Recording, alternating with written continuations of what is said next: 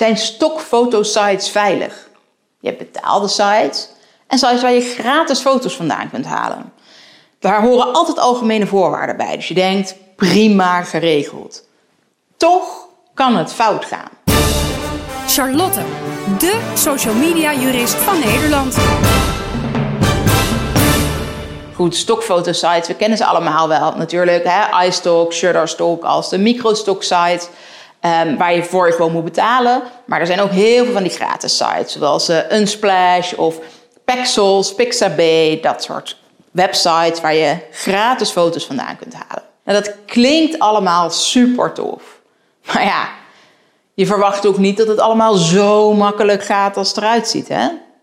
Kijk, tuurlijk. Ze vertellen je allemaal wat voor licentie je krijgt en dat je bijna alles met dat beeld mag doen wat je wil. Alhoewel je bij betaalde sites er altijd iets minder mee mag doen. Maar die gratis websites geven meestal een licentie om er bijna alles mee te mogen doen wat je wil, zolang je maar niet zelf de foto's ook nog gaat verkopen. Maar je mag er wel producten mee maken die je vervolgens weer gaat verkopen.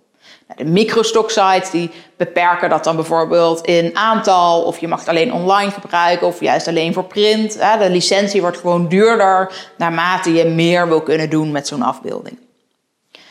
Dus die licentie staat altijd wel goed omschreven. Nou ja, goed, er staat altijd een licentie omschreven in die algemene voorwaarden. De meeste mensen houden daarop bij het lezen van die algemene voorwaarden. Zak je iets verder naar beneden, dan gaat het daar opeens over liability of aansprakelijkheid. Nou, wat nou die betaalde stocksites doen, is zeggen dat ze maar aansprakelijk zijn tot een bepaald bedrag. Mocht er dus toch iets mis zijn gegaan, dan betekent dat dat ze maar een bepaald bedrag vergoeden als er sprake is van een inbreuk op auteursrecht. Dat kan natuurlijk heel naar uitpakken als blijkt dat het toch een foto is die van een andere fotograaf was of dat die foto weer inbreuk maakte op het auteursrecht van een andere fotograaf, et cetera. Dat hangt natuurlijk helemaal af van het soort beeld, welke fotograaf het is en wat voor tarieven die vraagt. En vaak ook van hoe lang jij die afbeelding al gebruikt. Want hoe langer je hem gebruikt, hoe hoger de schade over het algemeen oploopt. Nou, wat nou die gratis sites doen, die bieden eigenlijk vooral een platform zodat allerlei mensen daar hun foto's kunnen uploaden. Daarvan zeggen ze: oké, je moet deze foto's dan ter beschikking stellen onder een bepaalde licentie. Ehm, en dat gebeurt dus in principe ook.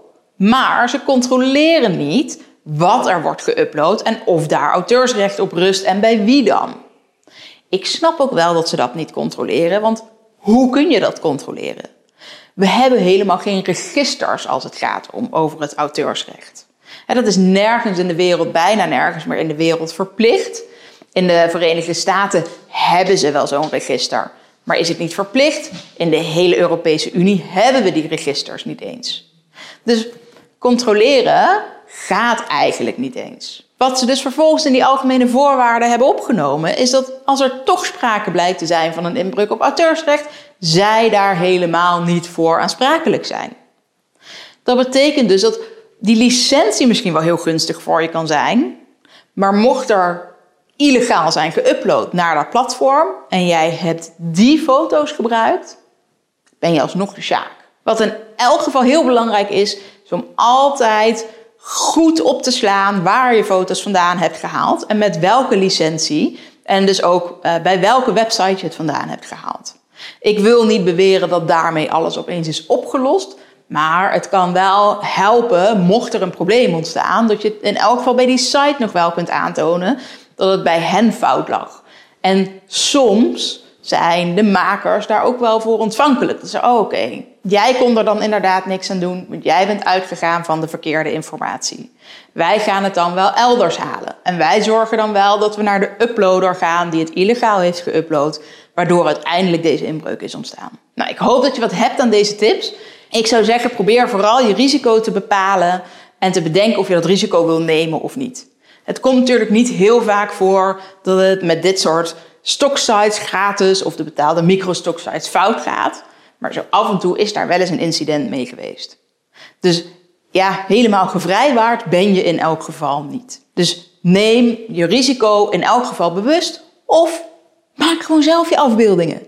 Of huur er iemand voor in, waardoor je er goede afspraken met die personen kunt maken en je ook zeker weet dat je veilig zit. Nou, heel veel succes met het gebruik van afbeeldingen. Ehm, ik hoop hiermee wat beter geïnformeerd te hebben, zodat je minder snel de fout in kunt gaan.